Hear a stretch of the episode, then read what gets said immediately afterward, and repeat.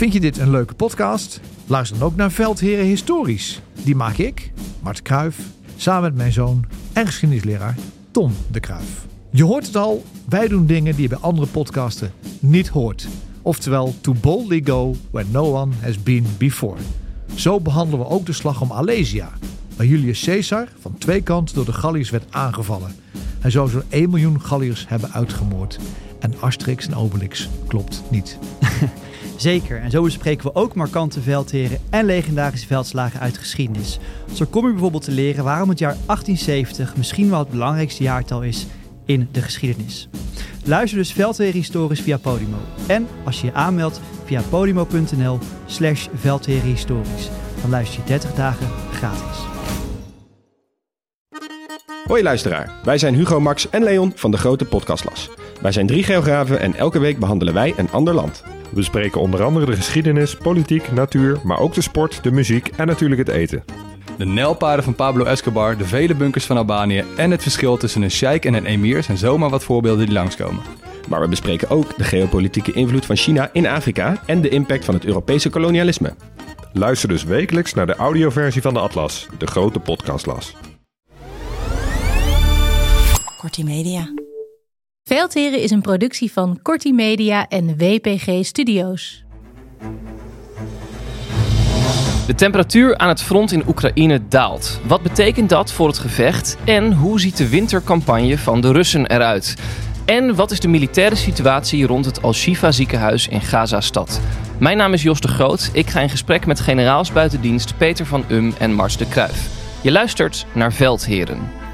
En luister vooral ook naar Veldheren Extra, onze wekelijkse extra aflevering waarin Peter en Mart meer vragen van luisteraars beantwoorden. Meld je aan via vriendvandeshow.nl slash veldheren. Bijna 900 luisteraars gingen je al voor.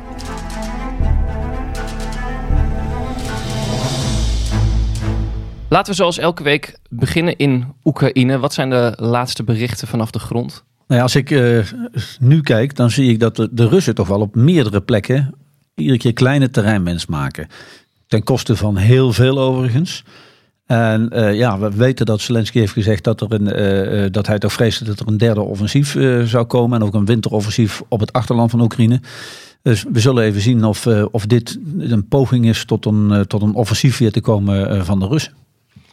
We zien dat uh, bij Gerson het front uh, meer volume krijgt van de kans van Oekraïne. Dus dat betekent ja, dat dan de Rus weer met een probleem worden geconfronteerd. Maakt eigenlijk allemaal deel uit van het schaakspel wat we nu zien. Hè. Iedereen kan de stukken zien, maar wat doe je ermee?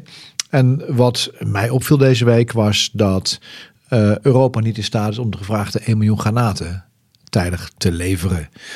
En uh, als je daarover gaat nadenken, dan zie je dat Rusland is overschouwd op oorlogseconomie. We hebben ook veel bronnen dat dat eigenlijk best wel snel gaat. Wij in het Westen hebben daar ontzettend lang voor nodig.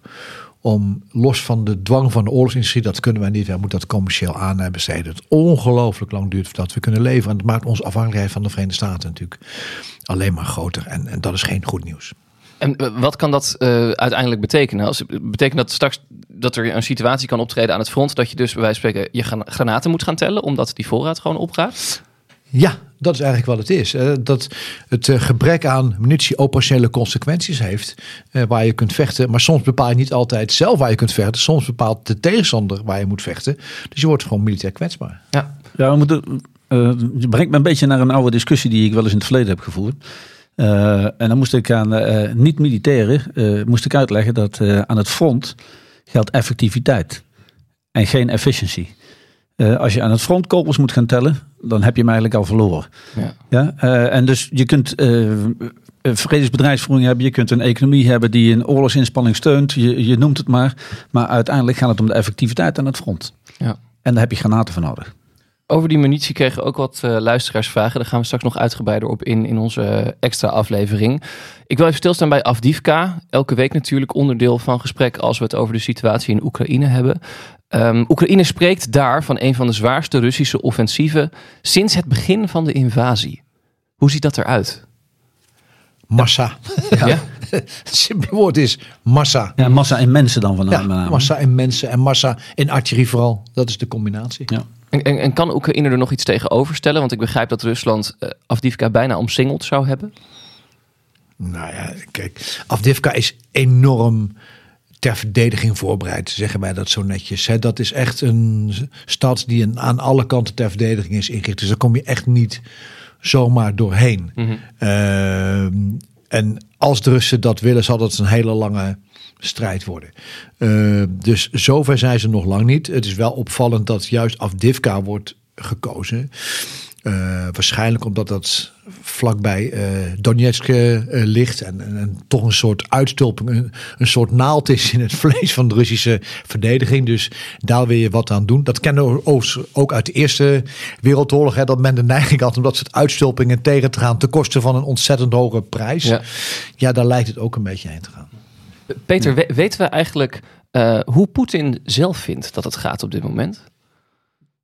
Ja, eerlijk gezegd, uh, ik weet het niet. Maar ik combineer dan eventjes een paar dingen uit de Russische social media, maar ook uit de internationale kranten. Mhm. Uh, en, uh, dus dat is dan ook de bron, daar moet je voorzichtig mee zijn. Dus uh, ik zeg hier heel duidelijk, het zijn geen feiten, maar toch zijn het wel signalen.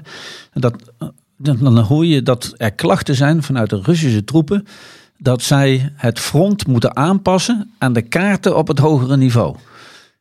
Ja, dat is de wereld, dat is de wereld op zijn kop. Ja. Ja, dus, dus daarboven ergens in de militaire staven, misschien ook op politiek niveau, hebben ze een beeld van hoe het front eruit ziet. En dan moeten de militairen dat maar realiseren. Dan moeten ze zorgen dat de kaart klopt. Ja, dat, dat, dat is absurd gewoon. Uh, uh, een ander signaal is dat, uh, dat er nu wordt gezegd dat Poetin in de aanloop naar de presidentsverkiezingen wil die de oorlog in Oekraïne eigenlijk geen thema maken.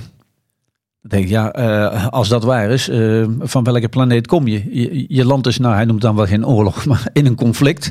Heel de Russische bevolking wordt uiteindelijk geraakt. Ik denk dat Rusland inmiddels iedereen wel mensen heeft of kent die aan het front zijn, zijn geweest. Of als slachtoffer terug zijn gekomen, gewond of overleden. en dan wil je er geen thema van maken in de verkiezingen. Dat, ja, wat is jouw belevingswereld dan? Uh, en als je dan weet hoe, hoe, hoe die wel naar een oorlogseconomie wil. Hoe, en dat is internationale pers, dat die gewoon druk begint te leggen op andere landen die Russisch materieel hebben. Om maar uh, delen van het Russisch materieel terug te geven aan uh, de Russische federatie, want dat hebben we zo hard nodig. En dan, naar men zegt, gaat het met name over helikopters, helikoptermotoren en reservedelen voor helikopters. Um, wat voor beeld heb je dan daarboven? Hoe komt dat in godsnaam uh, in het hoofd van zo'n leider als Poetin bij elkaar? Uh, daar, daar verbaas ik me echt hooglijk over. Ja. En uiteindelijk inderdaad ook die oorlogseconomie die jij noemt. Uiteindelijk heeft dat natuurlijk effect op elke burger. Ja. Dus hoe kun je dan ja. naar verkiezingen toeleven zonder... Uh, ik, ik, denk ook aan de ouders van uh, jongens die naar het front zijn gegaan, die daar zijn gesneuveld. Ja, die, die natuurlijk allemaal de, de Die, die moeten dat toch ook zien. En, ja. uh, en als jij soms hele fabrieken probeert om te turnen om militair materieel te maken in plaats van materieel voor de civiele samenleving, dan ga je dat allemaal in die samenleving voelen. Ja. Ehm, dus ja, we weten dat in Rusland nou niet bepaald vrije democratische verkiezingen zijn, maar deze worden waarschijnlijk wel heel krom. Ja. Mart, vorige week viel hier aan tafel uh, de term wintercampagne. Als het gaat om de aanpak van de Russen. Ja. In, in, militaire termen, waar hebben we het eigenlijk over als we het over een wintercampagne hebben? Het is wel interessant. We hebben het lenteoffensief gehad en nu krijgen we de wintercampagne. Ja. Nee, er zijn gewoon twee dingen die een rol spelen, winters. Het eerste is gewoon, het weer is minder en dat heeft invloed op de mens en op de begaanbaarheid van het terrein. Het is niet zo dat je niet kunt vechten winters. Sommige mensen denken dat. Dat is onzin. We kennen wel het Ardennen-offensief uit 1944. Toen was het echt ongelooflijk slecht weer. Maar er werd gewoon offensief werd toen gestart. Maar dat heeft op je logistiek, op je aanvoer als wegen slecht zijn. En bovendien, je vecht met heel veel uren zonder daglicht. Heeft ook grote impact op de soldaten. Niet alleen op je fysiek, maar je hebt ook andere middelen nodig. Je hebt nachtzichtmiddelen nodig, batterijen, noem maar op. Niet zo eenvoudig. Dus dat maakt het niet makkelijk. En het tweede, dus hebben we eigenlijk al een beetje over gehad. Je zult ook tijden moeten zoeken aan beide tijden, aan beide kanten, dat je minder intensief vecht. Dat je weer voorraden gaat opbouwen. Dat je eenheden weer laat herstellen en aanvult met materieel en personeel. Om te zorgen dat als er weer de weersomstandigheden beter worden, dat je dan weer kunt vechten. Dus dan ga je een soort wintercampagne in. En afgelopen jaar zagen we dat er aan het front relatief weinig beweging was. Los van de Russen die overal loopgraven aan het graven waren. En van het energiesysteem van de Oekraïne gingen aanvallen.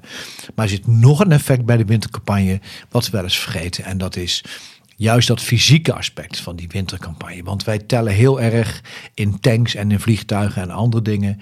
Maar wat je ziet, en zeker als een oorlog vordert, is dat het aantal, noemen ze non-battle casualties, niet gevechtsverliezen aan beide kanten gaat oplopen. Er zijn mensen die dus niet meer in staat zijn te vechten, omdat ze fysiek of mentaal niet meer kunnen vechten. Fysiek moet je denken aan loopgraafvoeten, bevriezingsverschijnselen, dat soort dingen, ondervoeding. Mentaal moet je denken aan, het kennen wel, shellshock, acuut optreden van een, van een trauma.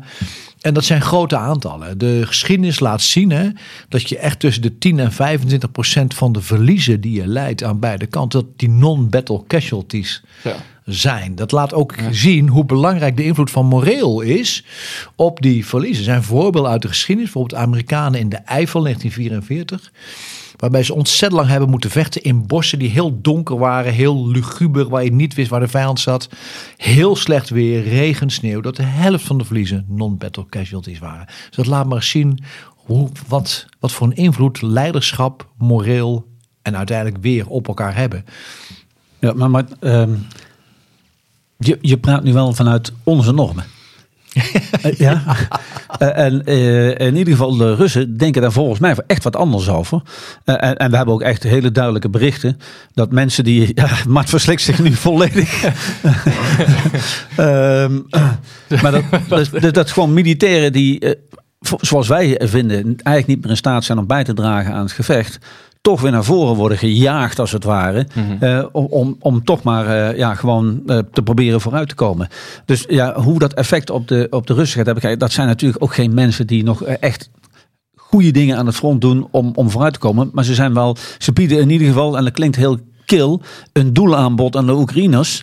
Want dat zijn de mensen die niet meer tactisch bewegen. Die, die, die rennen dan maar vooruit omdat ze vooruit gejaagd worden. En eh, ja, dat is gewoon eh, eh, diep, diep triest dan. Ja. Zou eens een interessante discussie, want de vraag is of je dan een battle casualty bent of een non-battle Ja, casualty. ja, ja, ja. Als de eigen troepen wordt eh, neergeschoten. Ja. Misschien nog een keer een aflevering aan wijden, want in Vietnam kennen het verschijnsel fragging. Ja. Hè, waarin officieren door eigen troepen werden neergeschoten.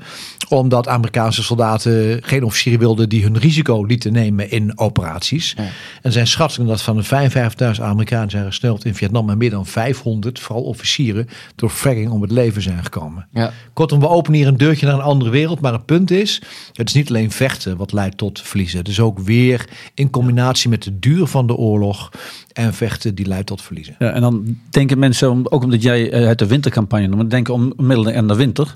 Maar veel van dat soort effecten heb je gewoon door het hele jaar heen. Mm.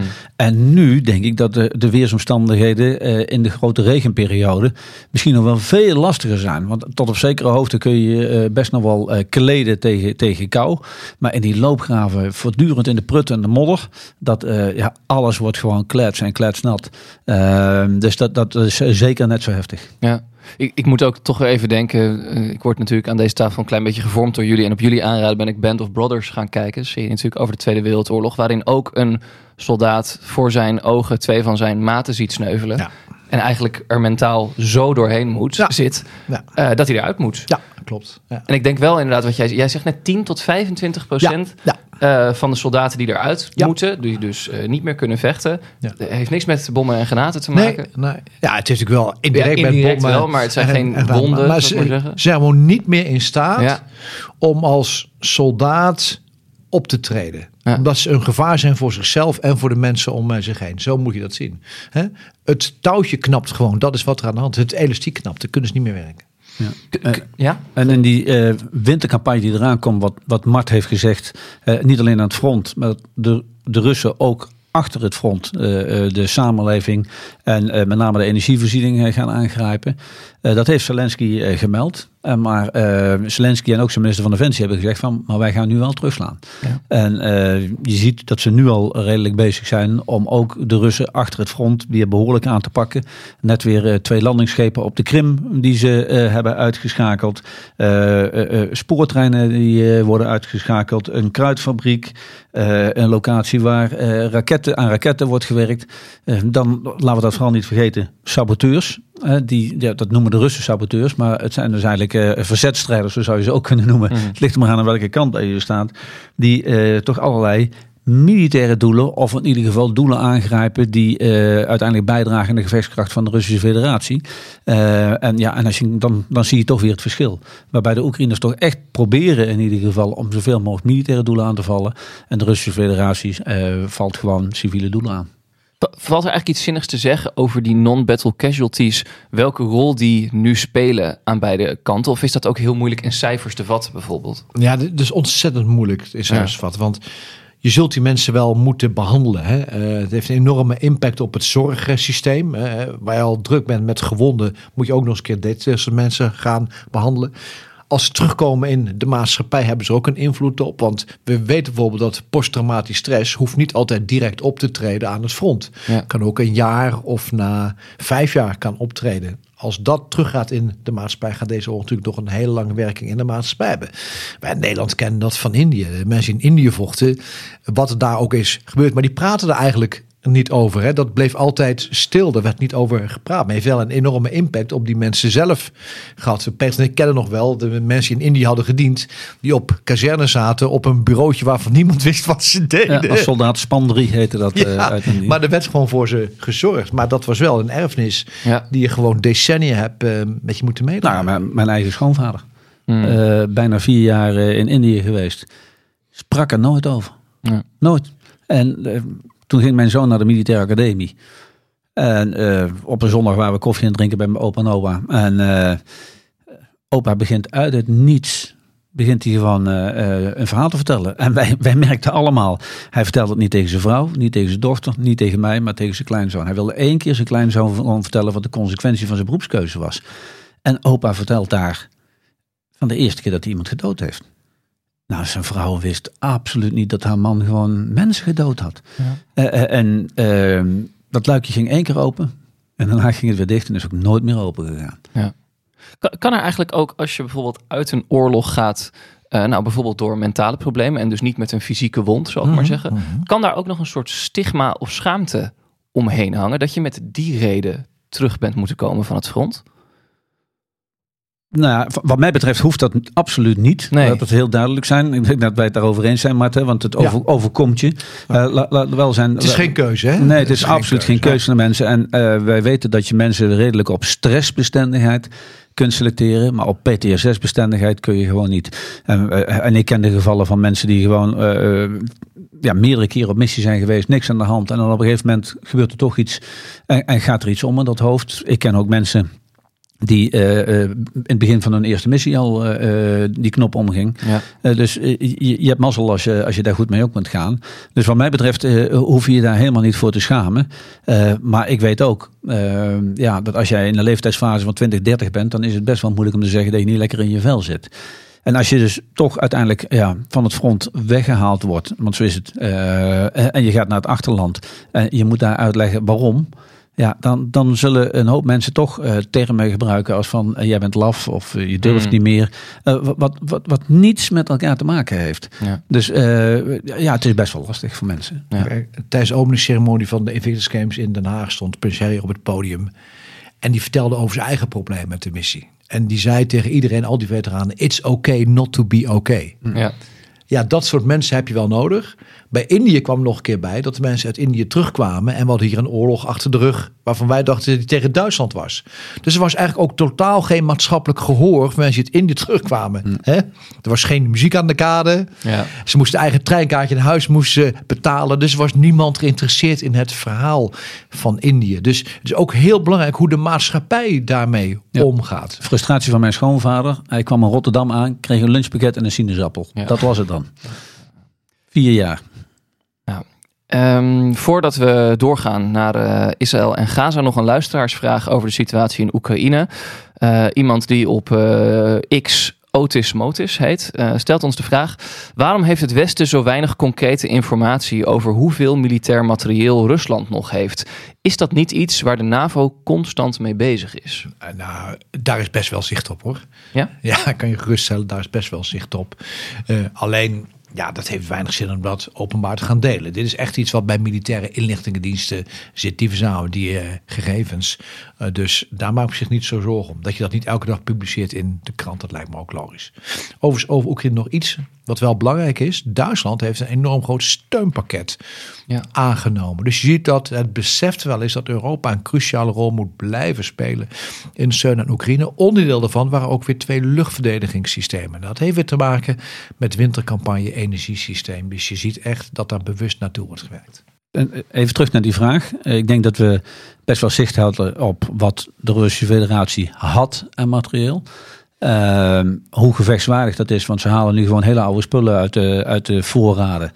Ehm, hè, want de Russen die gooien nooit de spullen weg. Hè. Die verschoten het niet, die zetten het allemaal in loodsen. Want misschien hebben we het ooit nog nodig. En dat trekken ze eh, nu leeg. Hoe gevechtswaardig dat is, dat is nog wel een vraagteken.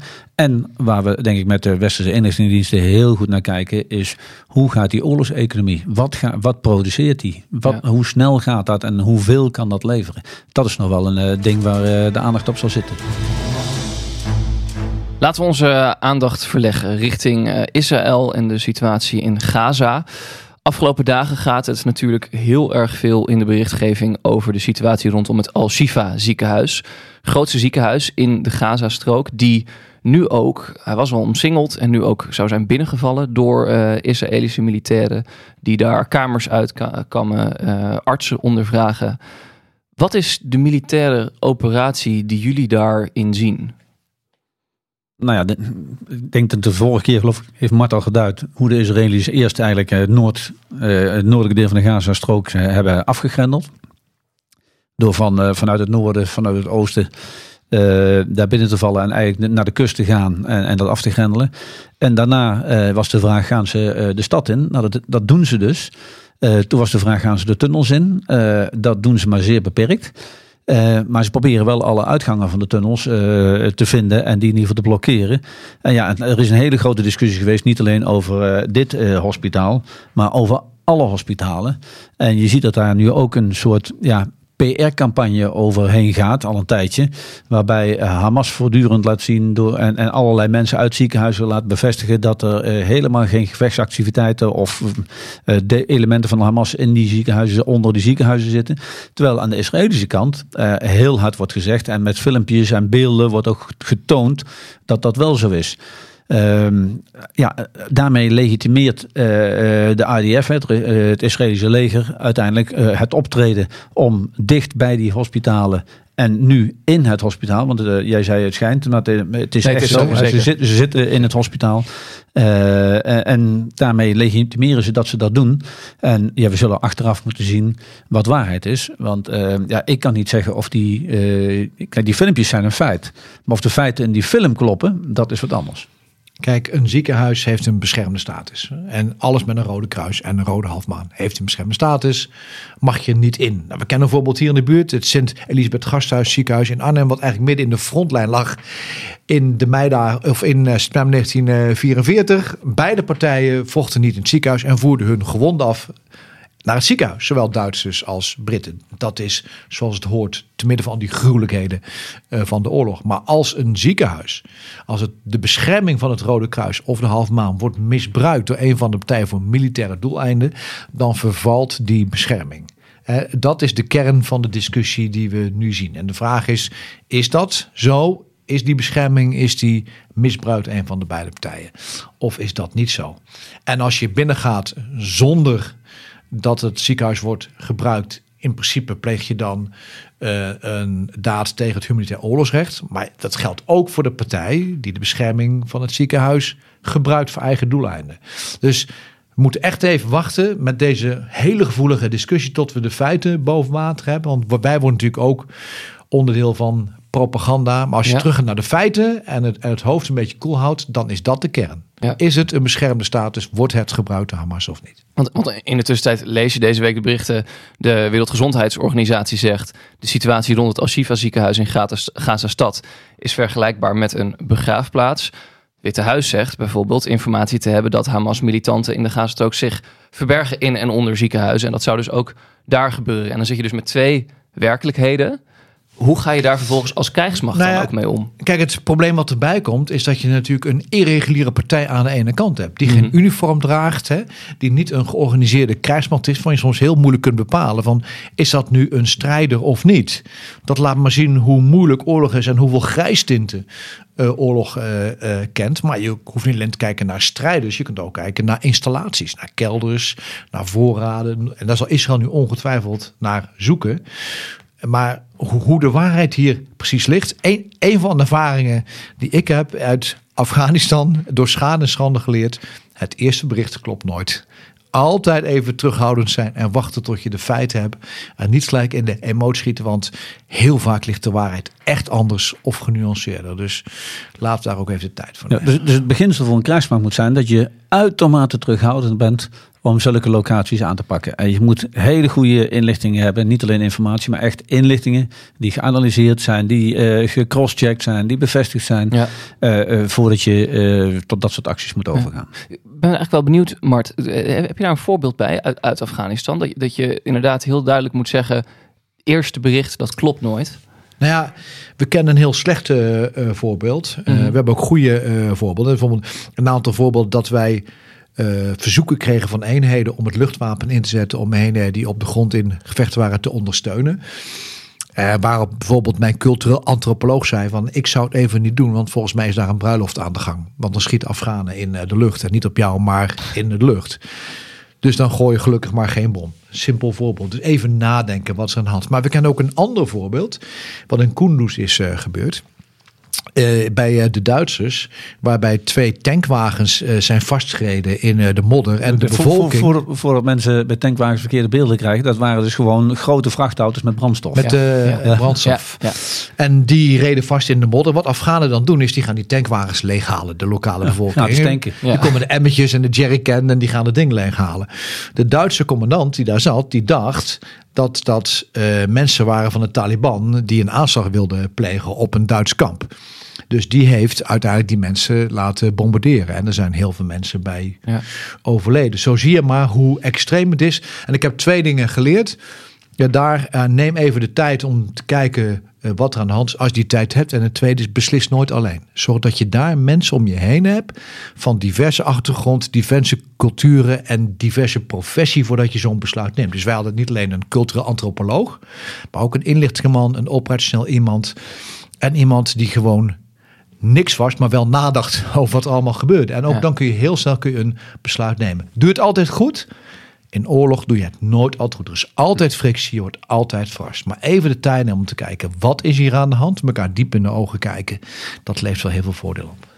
Misschien met die visie kunnen we ook even kijken naar de luisteraarsvraag die we kregen van Teun Spaans. Hij vraagt ons, de IDF, het Israëlische leger, publiceerde te zien bij CNN video's van tunnels onder het Rantisi Hospital in Gaza.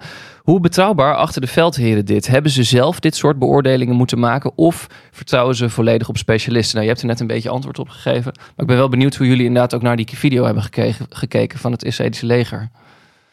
Nou ja, eh, we hebben net als ieder ander, maar voor degenen die dat niet gezien hebben, dan zie je dus de, de woordvoerder van de IDF, die iedere dag gewoon de stand van zaken eh, Ja. normaal meedeelt, die in Gazastrook opeens is. En daar eh, een tunnel laat zien eh, waar dus uiteindelijk wapens, explosieven, zelfmoordvesten eh, aantreffen. En zelfs in ieder geval een duiding van dat er ook gijzelaars gevangen zouden zijn geweest. Ja. Ehm, en, en dat zou dan naast het huis van een terrorist zijn, maar ook naast of onder dat eh Rantisi-hospitaal. Ja, ik, ik kan het niet checken. Nee. Ja, dus ik heb geen idee. Is dit, een, is dit feitelijk allemaal juist wat ik hier zie? Of is dit onderdeel van een PR-campagne om een bepaalde modus operandi, eh, zoals dat zo netjes heet, te legitimeren? Dus, dus ja, ik kijk daar met vraagtekens naar mijn ogen en, eh, probeer bij de feiten te blijven. En dan eh, wil ik wel dat er later ooit eens een keer bevestigd wordt dat dit zo is. Ja. Jij nog een bespiegeling, Mart? Nee, je moet je echt eh, op zijn achterhoede zetten met eh, zin en verstand naar kijken. En niet gelijk in de emotie schieten. En dat is wel wat bij deze oorlog opvalt. Er zit heel veel emotie Mhm. aan beide kanten. Dat is op zich helemaal niet erg. Dat is goed dat er is. Maar pas op voordat je een mening een feit maakt. Ja. En dat geldt dus ook voor zo'n videootje van het Israëlische Ja. leger. Dan eh, wil ik graag met jullie naar een eh, artikel dat deze week in NRC stond. Ehm, daar zal ik een stukje uit eh, citeren voor het geval luisteraars het niet hebben gelezen. En het gaat als volgt. Volgens een vertrouwelijk memo van de Nederlandse defensieattaché in Tel Aviv, in handen van de kant NRC dus, gebruikt het Israëlische leger in Gaza, quote, onevenredig geweld en voert het doelbewust aanvallen uit op de civiele infrastructuur, zoals bruggen, wegen en wooncomplexen. Volgens de rapportage is de Israëlische wens om definitief af te rekenen met Hamas een militair doel dat vrijwel onmogelijk te behalen is. De besluiten van het oorlogskabinet zouden voortkomen uit wraakgevoelens. De emotie en woede klinken door in briefings van het Israëlische leger, is ook weer een citaat. Volgens de defensieattaché probeert het Israëlische leger de verliezen aan eigen kant zoveel mogelijk te beperken en gebruiken de soldaten daarom sneller dodelijk geweld. Dat en de doelbewuste aanvallen op burgerdoelen zouden bijdragen aan het hoge aantal doden in Gaza. De beweringen in het memo zijn in directe tegenspraak met uitingen van het Israëlische leger. Dat zegt er alles aan te doen om burgerdoden te voorkomen. Ben allereerst wel even benieuwd, voordat ik naar jullie reactie vraag. Uh, wat doet een defensieattaché eigenlijk? Namens wie praat deze persoon? Nou, de defensieattaché zit dan namens Defensie op een ambassade. En dat is degene die verantwoordelijk is voor de bilaterale of multilaterale militaire contacten tussen Nederland en de land. En ook degene die, als er iets militair aan de hand is, gewoon analyses maakt. Hoeft niet eens een oorlog te zijn, kan ook met een ontwikkeling van een krijgsmacht zijn of bezuinigingen zijn. Een analyse probeert te maken van wat er aan de hand is, om daarmee de ambassadeur goed te kunnen voeden. Ja, en um, we hebben bijvoorbeeld vorige week bij Veldheer Extra hebben we het gehad over oorlogsjournalistiek en ook het belang daarvan. Toen uh, zeiden jullie best van, nou weet je, kom maar langs, laat het maar zien. Um, nu komt dit naar buiten, heeft natuurlijk veel gevolgen. Wat vinden jullie ervan uh, dat dit op straat ligt? Dat vind ik uh, jammer. Uh, het is natuurlijk goed journalistiek werk, laat daar geen misverstand over zijn. Mm -hmm. Ja, knap dat de journalisten dat boven tafel krijgen. Maar als ambtenaar, want deze defensieattaché is gewoon ook een ambtenaar, weliswaar een militair ambtenaar, maar een ambtenaar. Als ambtenaren uh, hun informatie, hun uh, inzichten, hun mening niet meer naar de hogere leiding kan sturen, waar dat uiteindelijk samen moet komen, geanalyseerd moet worden en daar beleid van gebakken moet worden. Ja, als dat niet meer kan zonder, wat wel eens gezegd, last of ruggespraak of angst, dat het allemaal onmiddellijk in de openbaarheid komt. Ja, dan gaan uiteindelijk onze beleidsmakers gaan blind worden. Want hmm. dan gaan mensen gewoon stilzitten en uh, die schrijven niks meer. Dus ik, ik vind het prima dat deze attaché uh, de mening gebaseerd op dingen die in dat land ervaren worden. Want dat is het voordeel van een attaché. Die zit in het land. Die, die heeft een feel voor wat er in dat land gebeurt. Of voor wat er in zo'n krijgsmacht gebeurt. Want daar heeft zo'n attaché heel veel contact mee. Die praat met veel mensen uit die krijgsmacht. Ja, en daardoor kun je beter, beter duiden wat er aan de hand is wat je ziet. Uh, en ja, als, als dat allemaal in de openbaarheid komt, ja, dan, dan, dan gaat men uh, uh, gewoon hele mooie sociaal wenselijke dingen opschrijven. Of men schrijft niks meer op. Ja. Dus ik vind het goed van de journalist, maar ik vind het wel jammer dat het gebeurd is. Ja, ja helemaal mee eens. En ik vind het ook moeilijk om een oordeel te vellen over wat er dan wordt geschreven. Want ik ken het hele document niet. Dus mm. ik mis de samenhang, mis de balans daarin. Bijvoorbeeld een van de vragen die ik heb is... ja, ik mis tot nu toe uit de citaten... wat doe je met de gijzelaars en de rol van de gijzelaars? Want ik kan me indenken dat die juist wel een rol spelen... in het type operatievoering van wat Israël doet. Alleen ik kan nu niet zeggen dat mis ik... want ik ken het hele stuk ken ik niet. Ik ken alleen de citaten uh, die daarin staan. En, en dan kom ik helemaal terug bij Peter, of het nou waar is of niet. Je moet in een overheidssituatie de vrijheid hebben om te kunnen handelen en opschuiven naar overtuiging. Als je dat niet kunt, ja, dan krijg je een heel raar systeem waarin iedereen gaat opschrijven wat de baas graag wil horen. Mm -hmm. En als je dat gaat doen, dan ben je in een totaal andere situatie. Je bound for failure. Overigens, ook dat hebben we in Afghanistan meegemaakt. Mijn baas daar, Stemmer Crystal, had alleen maar mensen om zich heen die probeerden te zeggen wat hij graag wilde horen. Althans, of dat ze dachten. Dan ben je als ja. baas echt ja, maar, op, op een heel dun koord. Ik refereer maar even aan het begin waar we het vandaag over hadden. Mm -hmm. Wat is het beeld van Poetin? Ja. Ja, als jij allemaal dingen te horen krijgt uh, die jij graag wil horen, dan heb je dus een heel verwrongen beeld. Ja. Hè, de, de demissionair minister van uh, Defensie Olongeren heeft ook gereageerd. Hè. Zij zegt het stuk in de kant is een niet verre weergave. En ze zegt dat er mogelijk selectief uit het memo is geciteerd. Um, en is niet te spreken over de gang van zaken. toch denk ik wel, ook Peter, met wat jij net zegt, eh, zo'n defensieattaché is geen eh, militaire no-no, om maar Nee, even met jou, eh, met jou te spreken. Ehm, en er wordt gesproken van het Israëlische leger gebruikt onevenredig geweld. Het voert doelbewust aanvallen uit op de civiele infrastructuur, zoals bruggen, wegen en wooncomplexen. En het motief is wraak en vergelding. Denk ik wel van nou, dat, dat- dat is wel best serieuze taal van zo iemand. Nou, laten we als eerste eventjes vooropstellen dat eh, de, de kern van dit verhaal is dat de Israëlische doelen, politieke doelen die zijn gesteld, zijn militair niet te halen. Dat roepen Maarten en ik al Dat weken. heb ik hier al een paar keer gehoord. Ja, dat roepen wij al weken. Ja. Ja, dus de- als dat als een verrassing voor iemand komt, dan denk je van ja, eh, trek je ogen eens open. Mhm. Ja, eh, en en denk, denk eens even na. Dus ik sta daar helemaal achter, eh, achter die uitspraak. Dan ja, dat er onevenredig geweld wordt gebruikt. Ja, zowel Mart als ik, we, hebben, we hebben het al vaak gezegd en ook nu deze uitzending weer. We moeten eerst de feiten weten. Mhm. Maar als je nu gewoon van afstand naar dit conflict kijkt, dan heeft het er toch wel alle schijn van dat er onevenredig geweld wordt gebruikt. Ik kan dat feitelijk niet onderbouwen, dus ik wil heel graag de feiten horen. Ik wil onderzoeken achteraf zien ja, of het zo is. Maar als je gewoon door je oogharen kijkt naar wat hier gebeurt, ja, dan als je het al hebt over wat is het, meer dan 11.000 burgers, slachtoffers eh, aan de Palestijnse kant, dat zijn er gewoon Heel veel. En dan ben ik benieuwd hoe je je straks kunt eh, rechtvaardigen dat dat nodig was om militaire doelen te halen. Nou ja, ik zeg, een van de redenen die voor mij daarin een black box is, is de gijzelaars. Ja. Die mis ik ook in dit verhaal. Want ik kan me indenken dat je heel veel militair vermogen inzet om die gijzelaars vrij te krijgen. Dat kan ik me goed indenken. Dat zijn jouw mensen, dat is cruciaal. Alleen die spelen hierin, in dit verhaal, althans uit de citaten die zijn gehaald, spelen daar geen rol. Maar ik denk dat we even terug moeten of het verhaal nou klopt of niet. Dat is een ander verhaal. Ja. Iedereen mag een mening hebben. Waar het om gaat is, als je die mening gaat beperken, wat Mhm. Peter zegt, door het in de openbaarheid zo neer te sabelen, dan zijn we verkeerd wijs. En, en zonder eh, heel erg hypothetisch te worden, wil ik toch ook vragen. Hè? Er wordt gesproken van het motief, vergelding, wraak. Ehm, als we daar eens even vanuit, is dat een legitiem motief als het gaat om de operatie van Israël? Of überhaupt in een oorlog? Ehm, ja, ik snap de menselijke emotie, die snap ik best. Maar uiteindelijk moeten eh, leiders van een land, van een volk, ja, moeten niet alleen eh, denken aan dat moment en die korte termijn, die moeten ook over de langere termijn nadenken. En dan moet je op een gegeven moment over dat soort eh, eh, emoties kunnen heen stappen om te kijken wat op lange termijn de beste oplossing is. En ja, de geschiedenis leert toch dat, dat wraak en vergelding niet het beste middel is om uiteindelijk uit een conflict te komen. Eh, dus dat, dat zou ik heel zonde vinden. Maar laten we ook vooral niet vergeten, want laten we wel naar twee kanten kijken.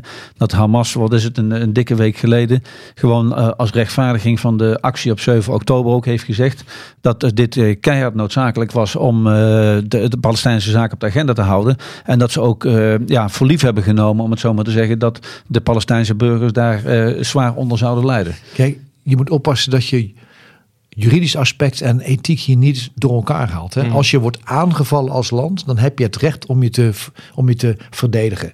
En als dat betekent dat je het militair vermogen van Hamas wilt breken voor de komende jaren, is dat kun je een hele discussie houden, maar dat zou een legitiem militair doel kunnen zijn. En op grond daarvan kun je de discussie voeren, wordt er voldoende of onvoldoende of proportioneel geweld gebruikt of niet. En dan moet je ook nog eens een keer de gijzelaars bijnemen.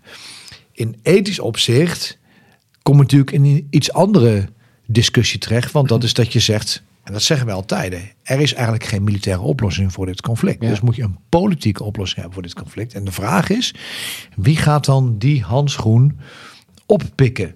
Ja. Want iedereen is wel over eens dat er moet een keer een einde aan deze oorlog komen. En de tragiek natuurlijk is dat 30 jaar geleden we de Oslo-akkoorden hadden. Ja. Waarin heel duidelijk door Rabin werd gezegd: luister, er komt geen vrede zonder de Palestijnen. We zijn nu 30 jaar verder. Er is niets gebeurd op politiek terrein. Dit is waarschijnlijk allemaal erger geworden. Met de settlements, met de kolonisten, met noem maar op. En dus de vraag die iedereen zich zou moeten stellen. Is los van wat er nu vandaag gebeurt, hoe vrees dat ook is. Hoe zorgen we dat we vrede krijgen in de toekomst daar? En je ziet telkens dat we in de reactieve mode zijn. Oekraïne zagen we aankomen, dat hier iets zou gebeuren zagen we aankomen. Dan zijn we allemaal geschokt en zijn van het padje af. Maar we moeten ook naar de structurele oorzaken van deze oorlog toe. En dat, daarvoor heb je niet alleen politici nodig, maar ook staatslieden Ja. die het durven te onderkennen en te benoemen.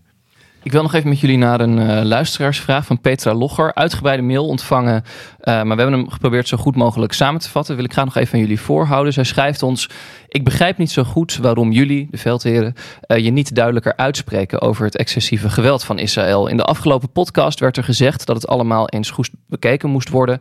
En leek het alsof jullie het terecht vonden dat Israël ten koste van al die burgers Hamas op deze wijze probeert te bestrijden.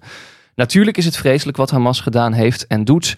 En is het vreselijk dat ze zelf ook geen enkel risico uitsluiten ten behoeve van de Palestijnse bevolking. Zij zijn net zo schuldig. Maar als we naar de cijfers kijken en naar het doel van Israël, zou ik wel durven zeggen dat het buitenproportioneel is wat daar gebeurt. Daar heb ik geen onderzoek achteraf voor nodig. Ik ben bang dat men nu alleen nog maar. Uh, alleen nog maar meer redenen heeft om zich te verzetten tegen Israël onder de naam Hamas of onder een nieuwe organisatie vinden jullie van uh, die opmerking? Nou ja, als wij uh, het beeld hebben neergezet in, in de ogen van de vraagsteller dat wij dingen rechtvaardigen die de Israël of de IDF doen, dan is dat in ieder geval niet wat ik, wat ik wilde. Uh, mm -hmm. Ik weet niet wat Mart wilde, maar volgens mij zitten we daar niet van elkaar af. dus dat, dat, dat zeker niet. Maar ja, ik ben het toch uh, met haar oneens. Want ik heb net al gezegd, het heeft er wel de schijn van. Ja? En ik snap dat ze dat zegt. Ja? Dat, dat, dat er onevenredig geweld wordt gebruikt. Maar ja, net zoals Mart en ik beide zeiden. Uh, je zult uiteindelijk toch moeten kijken. Wat zijn de achtergronden? Wat is er precies gebeurd? Welke feiten waren van, uh, van, van beide kanten? En, en, dan moet er een keer een oordeel over worden geveld. Dus ja, daar, daar blijf ik toch in hangen. Mm -hmm. en, en ik vlieg hem iets anders in met hetzelfde eindresultaat. Er zit ontzettend veel emotie in deze oorlog. En daardoor verliest de ratio het af en toe. En het gevaar daarvan is dat je daardoor nooit vrede krijgt. Je zult ook eens een keer uh, moeten zeggen: wat is er nu aan de hand? Hoe kunnen we dit conflict gaan beëindigen? En, en, en dan moet je heel goed kijken naar de feiten en naar het verleden, maar vooral naar de toekomst. En dan moet je heel voorzichtig zijn met het vellen van oordelen. Uh, want daarmee komt uiteindelijk niemand verder. En, en het even wachten op de feiten. Net als dat in de rechtspraak gewoon een goed uitgangspunt is dat je pas schuldig bent als dat bewezen is. Dat zou ik hier ook graag willen handhaven. Ja. En, en, en, wij begrijpen dat uh, de burger, de, de simpele man, vrouw, kind in de straat, die zijn de dupe. Uh, en dat is echt aan beide kanten. Dat, er wordt nu heel erg naar de Palestijnse slachtoffers gekeken. Maar het, nou, ik zou bijna willen zeggen, het gejojo over de, uh, de, de gegijzelden. Waarbij dan Israël uh, een voorstel doet wat zeker niet te accepteren is door Hamas. Dan doet Hamas een voorstel wat voor Israël niet geaccepteerd kan worden. Dus aan alle kanten is de gewone man de pineut. Ja, ik, ik denk ook dat het um, ongemak van veel mensen er misschien in zit dat um, de situatie waarin onafhankelijk onderzoek kan worden gedaan, die is natuurlijk heel ver weg. Terwijl de mensen nu massaal sterven, in de ziekenhuizen ja. liggen. Um, tegelijkertijd zien we deze week hè, dat me meerdere hulp- en mensenrechtenorganisaties, Oxfam Novib, Amnesty International, Pax en the Rights Forum, uh, de Nederlandse staat aanklagen om de houding van Nederland ten opzichte van Israël en de oorlog met Hamas. Nederland steunt Israël natuurlijk. Dus ik denk dat daar ook veel frictie vandaan komt. Nederland steunt Israël. Ja, nou, je ziet de discussie uh, van uh, moeten we moties in de VN uh, steunen? moeten we wel of niet voor een wapenstilstand of een staakt het vuren tijdelijk dan wel structureel gaan? Ja, waar Macron dus, bijvoorbeeld dus, voor is, maar Rutte is er tegen, zoals ja, het om een staakt het vuren ja, gaat. Dus, dus die discussie loopt door de hele samenleving heen en dat levert natuurlijk ook die emoties op. Ja. Kijk, in 67, dat heb ik nog meegemaakt, Zesdaags Oorlog, reden mensen met stickers rond op de auto van ik sta achter Israël. Ja, nu is het echt anders. Hè? Kijk, afgelopen weekend wat er is gebeurd in Amsterdam. Er zijn echt andere stromingen. En dat is prima. In een land zoals wij zijn, moet dat ook kunnen. Moet je ook andere meningen hebben. Dat is helemaal prima. Dus ik zie niet dat Nederland per se voor Israël is. Als je ook ziet wat voor hulp we aan de Palestijnse gemeenschap hebben gegeven in het uh, verleden. Dat is veel en intensief. Alleen de tragiek van deze oorlog is dat we steeds terugkijken. En dan krijg je nooit een antwoord. We hebben behoefte aan mensen die vooruit durven te gaan kijken aan deze oorlog. Want dit zo handhaven, deze oorlog, kent geen winnaars. Nee. En dat gaat niet gebeuren ook. Dus er moeten andere dingen gebeuren. En dan kun je de mensen gaan wijzen. En dat moet ook gebeuren. En onderzoek het. Maar de enige oplossing voor dit conflict is een politieke oplossing en vereist politieke moed en daadkracht. Ja, en dat zal met de huidige leiders waarschijnlijk niet gebeuren. Dus er zullen op enig moment nieuwe leiders moeten opstaan. En die moeten de steun krijgen van de bevolking aan twee kanten. En ja, zolang de hardliners het nu nog voor het zeggen hebben, eh, gaan we er niet uitkomen. Nee. Tot slot op dit onderwerp. eh, die internationale druk neemt toe. Hè, de roep om een, om een staakt het vuren. Aan het begin van deze oorlog eh, hè, hebben we het nog over gehad van nou, het lijkt erop dat Israël zijn grondoperatie uitstelt omdat er heel veel gebeurt achter de schermen. Inmiddels staan ze in het ziekenhuis. Wa- Waar denken jullie dat misschien op de korte termijn die toenemende internationale druk toe kan leiden? Nou, ik hoop zo snel mogelijk, in ieder geval al is maar een tijdelijk staakt het vuren, zodat burgers veilig eh, weg kunnen en er eh, hulp geboden kan worden aan de Palestijnse bevolking. En dat er dan ook eh, dat, dat de, de eerste opstap is om te gaan praten over het uitwisselen van eh, gevangenen en gegijzelde mensen. Denk je dat het een effect gaat hebben, Mart? Ja, kijk, we hebben altijd gezegd, deze oorlog is niet in een paar weken afgelopen. En, en dat effect zien we. En de tragiek zien we zich ontrollen eh, voor onze ogen. En daar hebben we het eigenlijk de afgelopen twintig minuten over gehad. En nogmaals, de cruciale vraag is, hoe gaan we hier met z'n allen uitkomen? Nou, dat is, uiteindelijk is hier geen militaire oplossing voor. De politiek is aan zet. En ik hoop dat er mensen opstaan die de moed hebben om hier wat aan te gaan doen. Sluit ik met Peter aan. Net zoals wij al 75 jaar in vrede leven. Omdat we in 46 mensen als Adenauer en Schuman en Marshall hadden. Die zeiden, en nou is het genoeg.